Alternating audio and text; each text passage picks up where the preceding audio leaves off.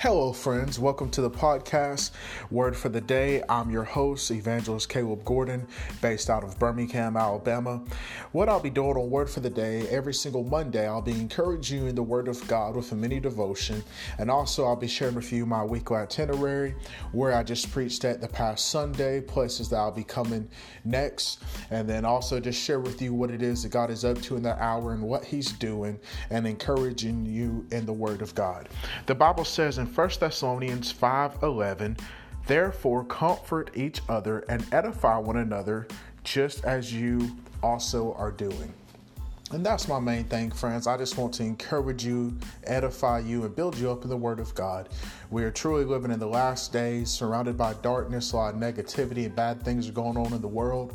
But the last time I checked, God still sits on the throne. Jesus is still in control. God still has a purpose and a plan. We're called to be salt, we're called to be light. And I want to tell you, friends, that God is still moving in this hour. And there's no greater time to be alive in human history than in this very day. So I just want to encourage you in the word.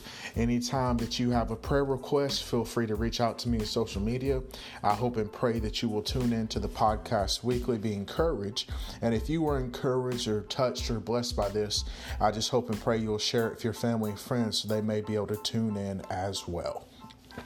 This past Sunday, I preached for Pastor Greg Pace. He's a good friend of mine.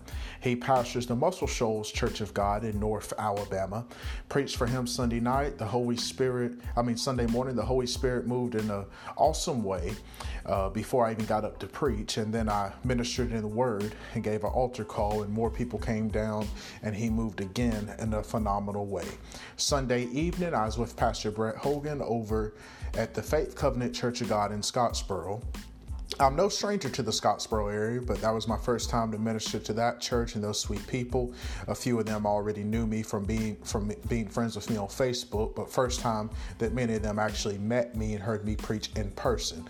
We had a wonderful time out there. Look forward to going back out there as well. This coming Sunday, I will be with a dear friend of mine, Pastor Greg Treywick, at the Rock Mountain Lake Church of God.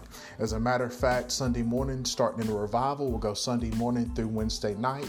Sunday morning service starts at 10:45 a.m. Sunday night 5 p.m. and then Monday through Wednesday 7 p.m. Looking forward to having some friends from the Lighthouse Church of God there and also some other friends as well. The address to the church is 6459 Rock Mountain Lakes McCalla, Alabama. Looking forward to that. Hope that you're able to come.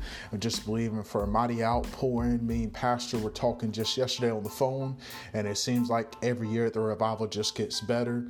And we have high expectations this year and very excited to see what it is that the Lord is going to do.